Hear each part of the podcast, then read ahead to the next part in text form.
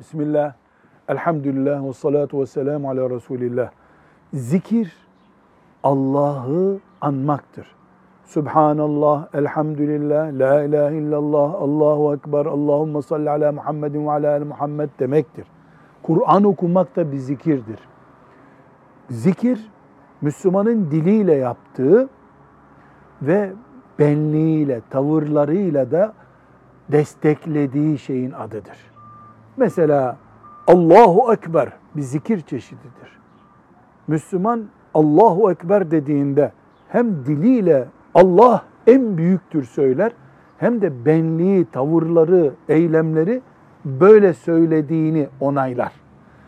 Böyle değil. Yani tavırları farklı, eli başka bir şeyle meşgul ama bu arada Subhanallah, Allahu Ekber, La ilahe illallah diyor. Bu da bir zikir, bir ibadet midir? Şüphesiz. Bu da Müslüman için kazançtır. Dilinin boş durmasından daha iyidir. Ama asıl olan eller, gözler, kulaklar, dille beraber Allahu Ekber diyor olmasıdır. Velhamdülillahi Rabbil Alemin.